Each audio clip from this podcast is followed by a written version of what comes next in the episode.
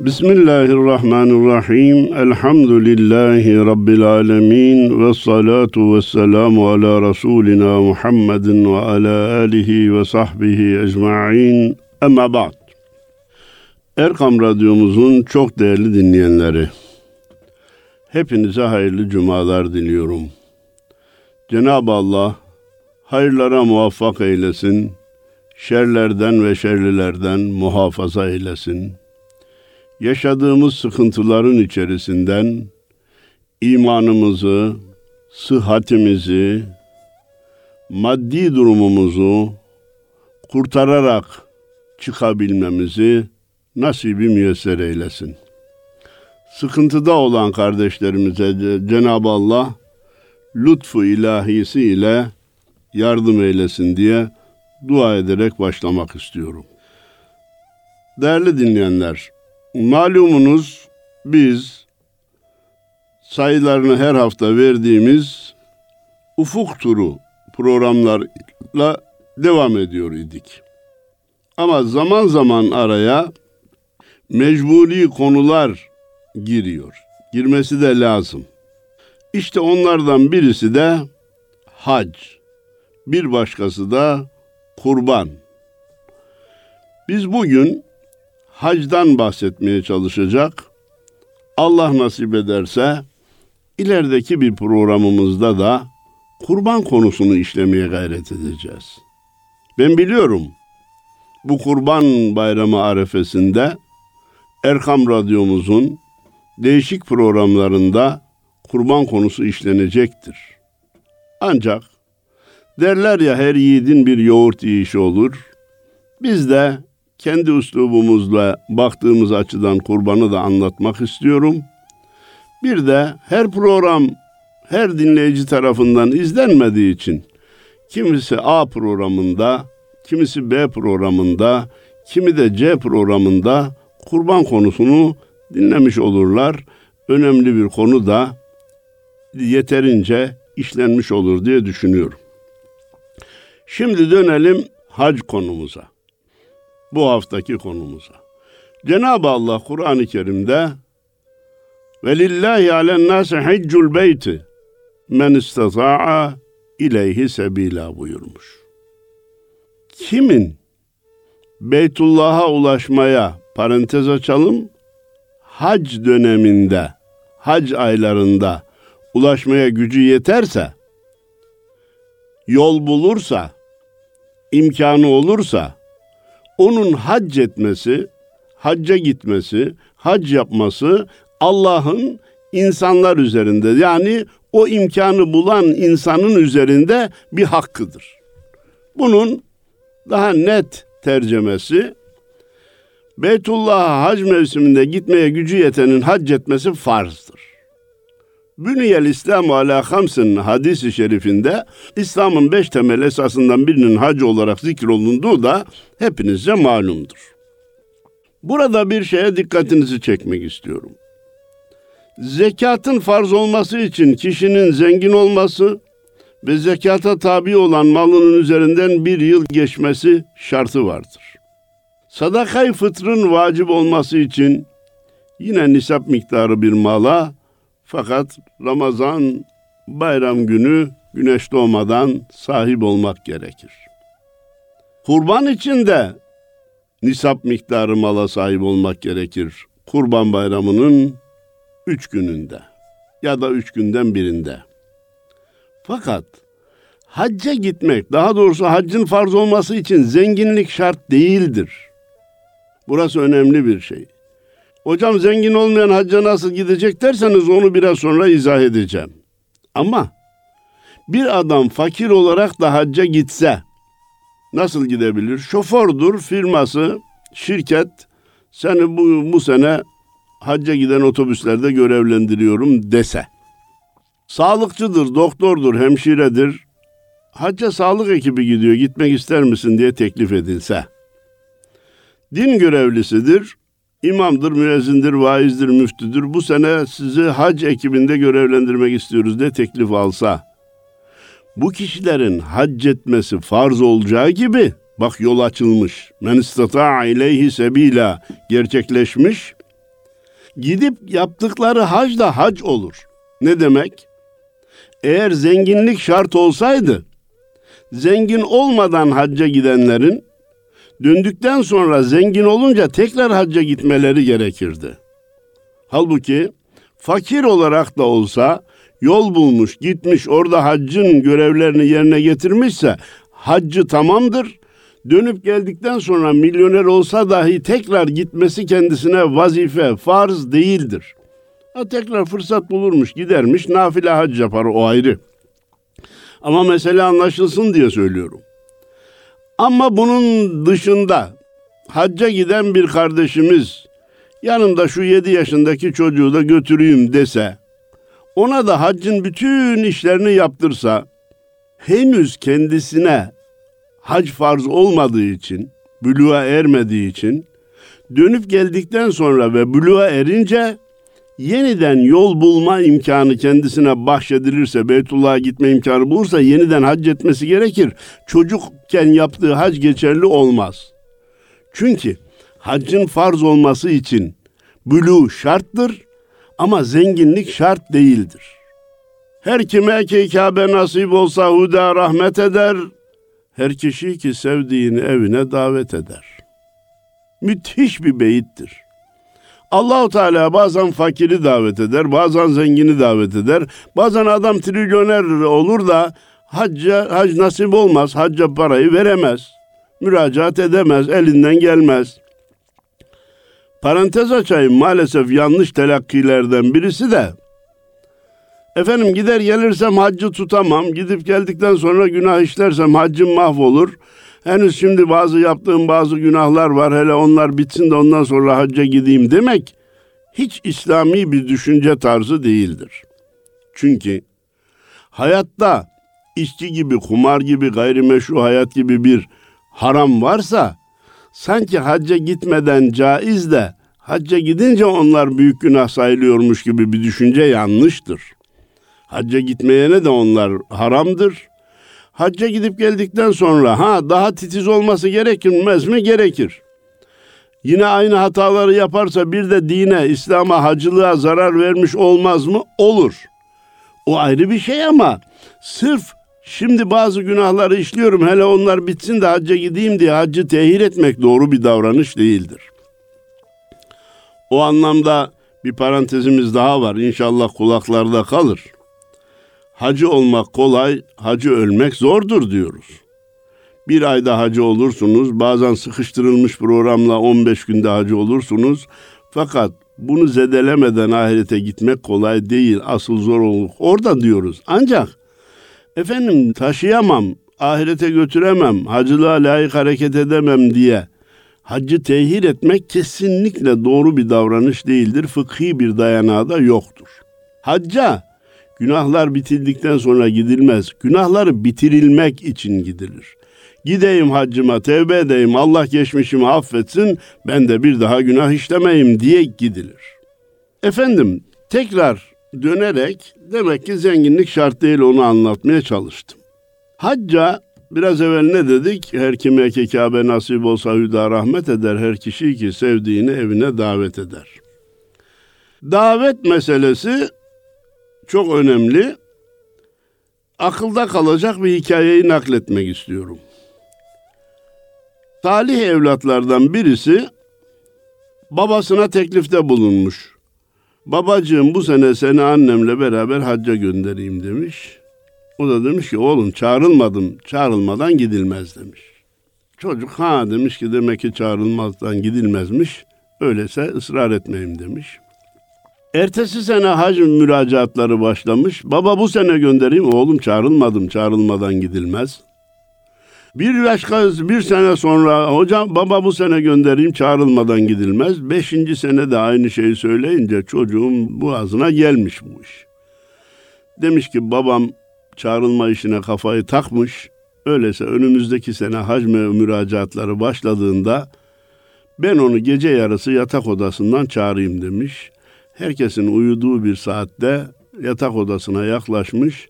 Gaipten bir ses gibi Ahmet hacca gel, Ahmet hacca gel diye seslenmiş. Sabah olunca babası evladım bu sene çağrıldık muamelelere başla demiş. O da sevinmiş ve muamelelere başlamış hiç sesini çıkarmamış.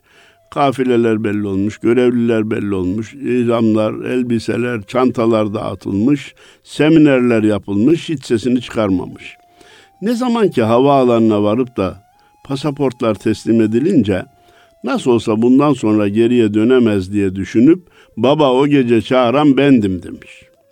Babası da dönmüş demiş ki oğlum beş senedir aklına gelmezdi de bu sene senin aklına getiren kimdi?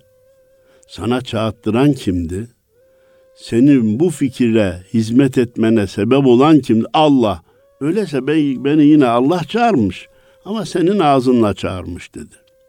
Evet, Cenab-ı Allah davet edecek. Allah'ın misafiridir gidenler. Efendimiz buyurdu ki, hacca ve umreye gidenler Allah'ın misafiri, gitmeyenlerin de temsilcisidir. Gitmeyenler namına da dua etmeleri gerekir çünkü gidemeyenlerin de temsilcisidir dedi. Durum böyle olunca Cenab-ı Allah rahmani davetlerle davet edilen kullarından eylesin hepimizi ve vazifelerini yapıp yuvasına dönenlerden eylesin. Bu sene hacca gidecek kardeşlerimizi de sıhhat ve afiyetle haclarını yapıp dönmelerini nasip eylesin. Efendim zaman zaman görevlendirildiğimizde kafileleri topluyorduk. Haccın üç çeşidi var deyince ya hocam haccın çeşidi mi olur işte namazı kıldığımız, orucu tuttuğumuz gibi bir hac var gidip gelip yapacağız. Hayır. Haccı kıran var, haccı temettü var, haccı ifrat var diyorduk. Haccı ifrat nedir? Bir kere ihrama girip, mikat dediğimiz ihram yerinde mikata, ihrama girip, hacca niyet edip, Mekke'ye vardıktan sonra kudüm tavafı dediğimiz bir tavaf, nafile bir tavaftır. Tavaftan sonra bekleyip Arafat'a çıkış gününde Arafat'a çıkarak, vakfesini yaparak, Müzdelife vakfesini yaparak, şeytan taşlayarak, bak burada kurban da yok, bu hacı kurban da yok. Gelip Beytullah'ı da tavaf etmekle yapılan hacca kısaca hacı ifrat denilir. Sadece hac demektir. Umre yok. Bu haccı tamamladıktan sonra e, Mekke'nin yakın bir yerine yine mikatlar var. Oraya çıkar, ihrama girer, tekrar umre yaparsa bir umre de yapmış olur ama her hac ve umreyi aynı mevsimde yapmadığı için ikinci senenin umresi olur o. Onun için de kurban kesmek gerekmez hacı ifrat yapana. Hacı temettu mikat dediğimiz ihrama giriş yerinde umre niyetiyle ihrama girip Beytullah'ı tavaf edip, sahi edip, tıraş olup umre işini bitirdikten sonra normal elbiselerini giyerek Arafat gününü beklemek, Arafat'tan bir gün evvel tekrar ihrama bu sefer hac niyetiyle girerek Arafat'a gitmek, vakfeleri, şeytan taşlamayı yapıp kurbanı da kesildikten sonra tıraş olup ihramdan çıkıp Beytullah'ı tavaf ederek ki asıl tavaf kişi hacı yapan haccı farida dediğimiz asıl tavaf işte odur. Onu da yaparak yapılan hacca haccı temettu denir. Kurbanı vardır.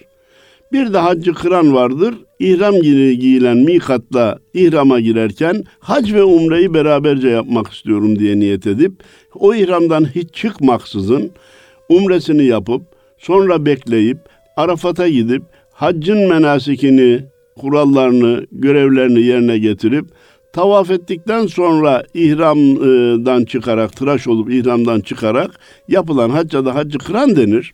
Şimdi bu sene hac programı olmayanların bunu kafalarına çok takmalarına gerek yok. Allah nasip eder yola çıkılırsa zaten görevliler hangi hacca niyet etmek istediklerini soracak ve hangi hacca niyet edenin ne yapacağını da anlatacaklardır. Efendim haccın kısaca çeşitlerini arz ettik. Her üçünde de ihram var dikkat ederseniz. Ama gelin biz ihramın mesajını almaya çalışalım. İhram sadece iki parça havludan mı ibaret? Sadece dikişli elbiseleri çıkarıp atmaktan mı ibaret? Yoksa bize verdiği başka bir mesaj var mı derken tam burada İmam-ı Şibli Hazretlerinin hacca gidip gelen talebesine gel bakalım evladım şu yaptığın haccı bize bir anlat diye anlatmasını istediği olayı size dikkatle nakletmek istiyorum. Sizin de dikkatle dinlemenizi istirham ediyorum. İmam-ı Şibli Hazretleri evladım yaptığın hacı anlat deyince efendim mikat denilen ihrama girme yerine vardık. Dikişli elbiselerimizi soyunduk deyince İmam-ı Şibli araya girdi. Dur bakalım evladım dedi. O dikişli elbiseleri soyunurken yaramaz huylarımdan da kötü alışkanlıklarımdan da şimdiye kadar yaptığım hatalardan da soyunuyorum diye dikişli elbiselerden kurtulurken, onları çıkarıp atarken, kötülüklerini, günahlarını da çıkarıp atmaya niyet ettin mi? Yok aklımıza gelmedi. Ceketi nereye koyacağız, pantolonu nereye koyacağız veya o günkü elbise neyse onları nereye koyacağız diye düşündüm. Eyvah evladım sen dikişli elbiseleri çıkarmamışsın dedi. Devam et bakalım evladım. Sonra ihram denilen bir örtüye büründük. Dur bakalım evladım. O her insana nasip olmayan kefenini kendi giyme nimetidir. Eliyle kefenlenme nimetidir.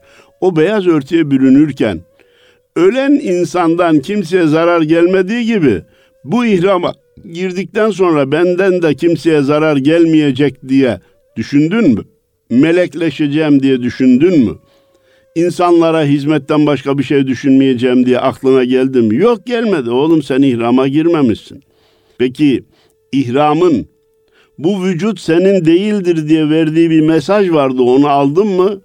Yok hocam ihramın bir yerinde böyle bir yazı yoktu. Yazıya gerek yok. İhrama girince tırnağını kesemez hale geliyor muydun, gelmiyor muydun? Geliyordum. Saçından tel koparamaz hale geliyor muydun? Evet. Güzel koku süremez hale geliyor muydun? Evet. E bütün bunlar sana ne diyor? Bu vücut senin değildir. Tırnağına gücün yetmiyorsa, bir kılına gücün yetmiyorsa, bir uzuna koku sürmeye gücün yetmiyorsa bu vücut senin değildir. Mal da Allah'ın, can da Allah'ın diyordu ihram. Bu mesajı aldın mı? Haber hiç düşünmedin. Sen ihrama girmemişsin. Sonra Mekke'ye vardık. Eşyalarımızı yerleştirip Beytullah'a gittik. Mescid-i Haram'a girdik. Dur bakalım evladım. Mescid-i Haram'a girdiğinde Cenab-ı Allah'ın ve men dahalehu kana amina. Kim oraya girerse Allah'ın emniyetine dahil olur ayeti kerimesini yaşayıp ana kucağına girmiş bir yavrunun emniyetini hissettin mi? Yok aklımıza gelmedi. Tavaf nereden başlayacak? Yeşil ışık nerede? Tavaf nerede bitecek? Kaç şahut yapacağız diye onlarla meşgul oldum. Eyvah oğlum sen Mescid-i Haram'a girmemişsin dedi. Sonra Safa Merve arasında sahi yaptık. Sahi yaparken bilhassa yeşil direkler arasında her vele dediğimiz koşma hareketini yaparken kötülüklerden uzaklaşıp iyiliklere ulaşmak için koştuğunu aklına getirdin mi? Allah'ın nimetlerine ulaşabilmek için, günahlardan kurtulmak için af dilemek üzere orada olduğunu aklına getirdin mi? Yok. Yeşil direk nerede bitecek, koşu nerede bitecek diye onu düşündük. Safa, Merve tepelerini ilahi affa mazhar olmak için birer vesile olarak düşündün mü? Yok bu kaçıncı şaft oldu diye onu düşündük. Eyvah oğlum sen sahi yapmamışsın. Sonra bekledik Arafat'ta vakfe yaptık. Men arafe nefsehu fakat arafe rabbe. Nefsini bilen Rabbini bilir gerçeğini Arafat'ta yaşadın mı? Nefsini eritebildin mi? Yok işte çadırda ne yapacağız, soğuk suyu nereden bulacağız, ne yiyeceğiz, ne içeceğiz diye onlarla meşgul olduk. Eyvah oğlum sen Arafat vakfesi yapmamışsın. Müzdelife'de geldik vakfe yaptık. Dur bakalım orada mahşerin bir e, temsilini yaşadın mı bak herkes başı derdinde gecenin vaktinde çağıran çağırana, bağıran bağırana, abdest alan alıyor, namaz kılan kılıyor. Tam bir mahşeri ha, manzara. Herkes başı derdine düşmüş bir şeyler yapıyor. Orada orada e, vakfe yaparken mahşeri hatırladın mı? Yok. Biz de nerede namaz kılacağız? Abdest suyu bulabilecek miyiz diye onu düşündüm. Eyvah sen Müzdelife vakfesi yapmamışsın. Sonra efendim şeytan taşlamaya geldik. Şeytana attığın her taşta kötülüklerini de orada bırakmaya niyet ettin mi? Aklımıza gelmedi. Taş içeriye düştü mü düşmedi mi diye ona baktık. Eyvah oğlum sen şeytan taşlamamışsın dedi. Şimdi bütün bunları özetledikten sonra akılda kalması gereken cümleye dikkatinizi çekiyor. Altını çizerek arz ediyorum. İbadetlerde şekilden vazgeçme, şekle takılıp kalma. ibadetlerde şekilden vazgeçme. Hani bazıları diyor ki şeytan taşlamaya ne gerek var? İhram ya altında bir atlet olsa, bir kilot olsa ne olur? Hayır sen ibadetin şeklini değiştirme yetkisine sahip değilsin. Müzdelife'de bir 10 dakika dursak geçecek ne olur? Sen ibadetin şeklini değiştirme yetkisine sahip değilsin. Şekle mutlaka riayet et. Şekilden vazgeçme. Namazın şekli belli, rükûlü, secdeli, kıyamlı yapılacak. Oturduğum yerden Allah'ı anarım, bu da namaz olur deme hakkına sahip değilsin. Oruç sabahtan akşama kadar aç susuz durularak yapılacak. Öğlende bir tek şu kadar içsek ne olur diyemezsin. Ancak şekle takılıp kalma. Allah bu orucu bize niye farz kılmış? Bu namazı bize niye farz kılmış? Niye eğiliyoruz? Niye kalkıyoruz? Niye yatıyoruz? Niye secdeye varıyoruz? Allah bu haccı bize farz kılmış. Bu görevleri Efendimiz Peygamberimiz bize böyle tarif ederken neler kastetmiş? O yedi tavafta yedi kat semaya çıkmayı, miraç yapmayı düşünürsek bize tavafın vereceği şey başkadır e, Hacı Efendi nerede, bu kaçıncı şahtayız diye dünyalık işler konuşarak yapılacak tavaftan kazanacağımız şeyler başkadır. Netice ibadetlerde şekilden vazgeçme ama şekle takılıp kalma, içindeki manayı almaya gayret et ve o manaya ulaşarak yapacak, yapılacak ibadetler insanı Müslümana asıl kamil noktaya ulaştırır. Bu gerçeği unutmayalım. Efendim, bir başka nakledeceğim olay var. Bezli Bestami Hazretleri Kabe'de daha doğrusu Mekke'de ertesi gün hacılar Arafat'a çıkacaklar. Gece rüyasında şeytanı görmüş. Bakmış ki şeytanın elinde ipler var, halatlar var, zincirler var. Demiş Melun ne yapacaksın bu zincirleri halatları? Şeytan demiş ki yarın hacılar Arafat'a çıkacak. Bu iplerle, zincirlerle, halatlarla onları istediğim yere çekip birbirine düşürerek haclarını ifsat etmeye çalışacağım. Bezli Bestami Hazretleri üzülmüş ama boş bulunarak demiş ki beni de istediğin yere çekebilecek misin demiş. Yani bir ara bir benlik bana gücü yetmez anlamında düşünüvermiş. Şeytan ona demiş ki sen böyle ben demeye devam edersen seni ipsiz çekerim demiş.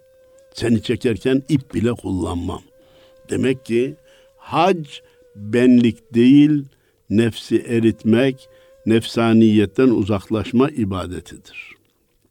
Efendim, hacca gidecek, bu sene gidecek kardeşlerimize sıhhat afiyetle gidip dönmeleri niyazında bulunduk. Bir de görevli arkadaşlarımız var tabii. Hacda görevli meslektaşlarıma, kardeşlerime tavsiyem şudur. Haccı tamamlamak, kalp kırmadan, gönül kırmadan görevleri tam yerine getirerek bir kafileyi götürüp getirmek gerçekten zor bir iştir.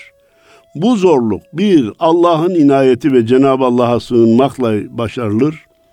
İki hacıya hizmet etmekle başarılır. Defalarca nasip oldu gittik geldik de şu kanaata vardık ki hacı ancak hizmetle frenlenebilen bir küheylan gibidir. Eğer bizim hacımız bu hoca efendi benim ibadetim için elinden gelen her şeyi yapıyor. Hiçbir fedakarlıktan kaçınmıyor. İbadetimizin sıhhatini düşünüyor diye. Bu kanaata varırsa ne derseniz onu yapar, size problem çıkarmaz. Yok bizim hoca yatmaya gelmiş, istirahatına bakıyor kendi kendini düşünmekten başka bir iş yapmıyor diye bu kanaata vardı mı artık o hacıyı frenlemekle, idare etmekte kolay olmaz. Bunun için sevgili meslektaşlarım, genç kardeşlerim, hacıya hizmet ederseniz bir ay yorulur, bir ömür boyu rahatlarsınız.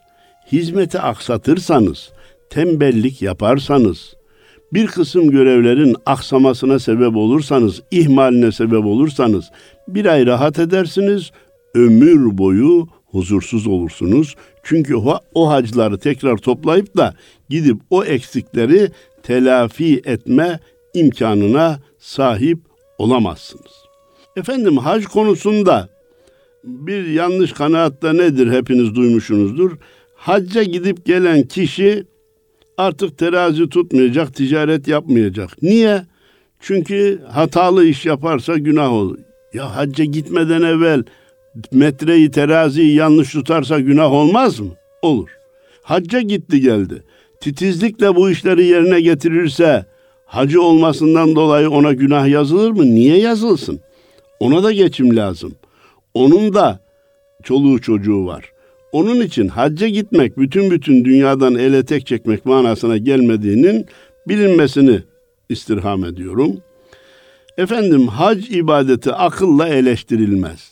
Ya aynı günde bütün insanları Arafat'ta toplayıp da izdihama sebep olmaya ne gerek var?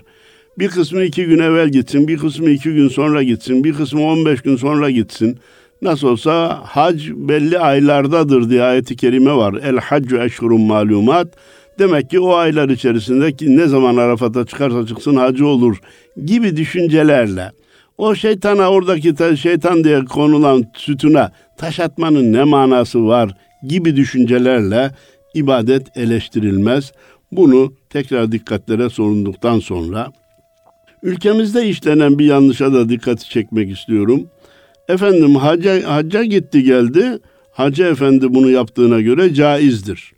Hacı hanımın kızının düğünü böyle olduğuna göre demek ki böyle düğün yapmak caizdir gibi hacıların harekatlarını, yaptıkları işleri fetva imiş gibi almak doğru değil bir. İki, bir insan hoca olmadan, fetvaya ehil olmadan sadece hacca gitti geldi diye ona fetva sormak da doğru değil. Onu fetvaya ehil zannetmek de doğru değil. Hacca gidip gelenin de kendisini müftü zannetmesi doğru değil. Olur ya gençler sorar Hacı Baba Hacı Anne şu nasıl caiz mi değil mi? Evladım ben hacca gidip geldim. Ben ilim tahsil etmedim. Ben fetvaya ehil değilim. Bu sorularınızı ehil olan hocalara soracaksınız diye onları bilir kişilere havale etmeleri gerektiğini de dikkatlerinize sunmak istiyorum. Cenab-ı Allah hayırları halk eylesin, şerleri def eylesin. Bu sene hacca gidecek kardeşlerimize sıhhatle gidip gelmeyi, şu ana kadar gidemeyen kardeşlerimize kısa zamanda gitmelerini nasibi müyesser eylesin. Bu cümleden olmak üzere birden fazla hacca gitmenin çeşitli yollarını bularak gitmeye çalışan kardeşlerimiz eğer Türkiye kontenjanından bir kişiyi daha kullanmış oluyorlarsa şartımız bu. Kontenjan kullanmadan gitmenin yolunu buluyorsa bulsun. Ama öyle bir yer buluyor ki Türkiye'den gidecek bir kişinin kontenjanını o kullanmış oluyor. Bu sefer ne oluyor? Hiç gitmemiş birinin hacca gitmesine engel oluyor. Kul hakkına girmiş oluyor. Bunun için tekrarları umrede düşünelim. Hacda bir kereyle yetinelim. Müracaatımızı yapalım. Cenab-ı Allah ne zaman nasip ederse o zaman çıkar diyelim. Dua edelim. Bu kısıtlamalar, bu virüsten dolayı kısıtlamalar inşallah genişlesin. Mekke'deki tamiratlardan, imarattan, otel yapımlarından dolayı inşallah sınır tamamen kaldırılsın. İsteyen herkes hacca gitsin. Çünkü hac insan hayatında, hasreten Müslümanın hayatında çok önemli bir dönüm noktasıdır. Nefsin hevasatına indirilmiş büyük bir darbedir. Cenab-ı Allah gittiği hacca da layık olarak yaşayanlardan eylesin diyor. Hepinize hayırlı cumalar diliyor. Saygılarımı, hürmetlerimi, muhabbetlerimi arz ediyorum. Allah'a emanet olun efendim.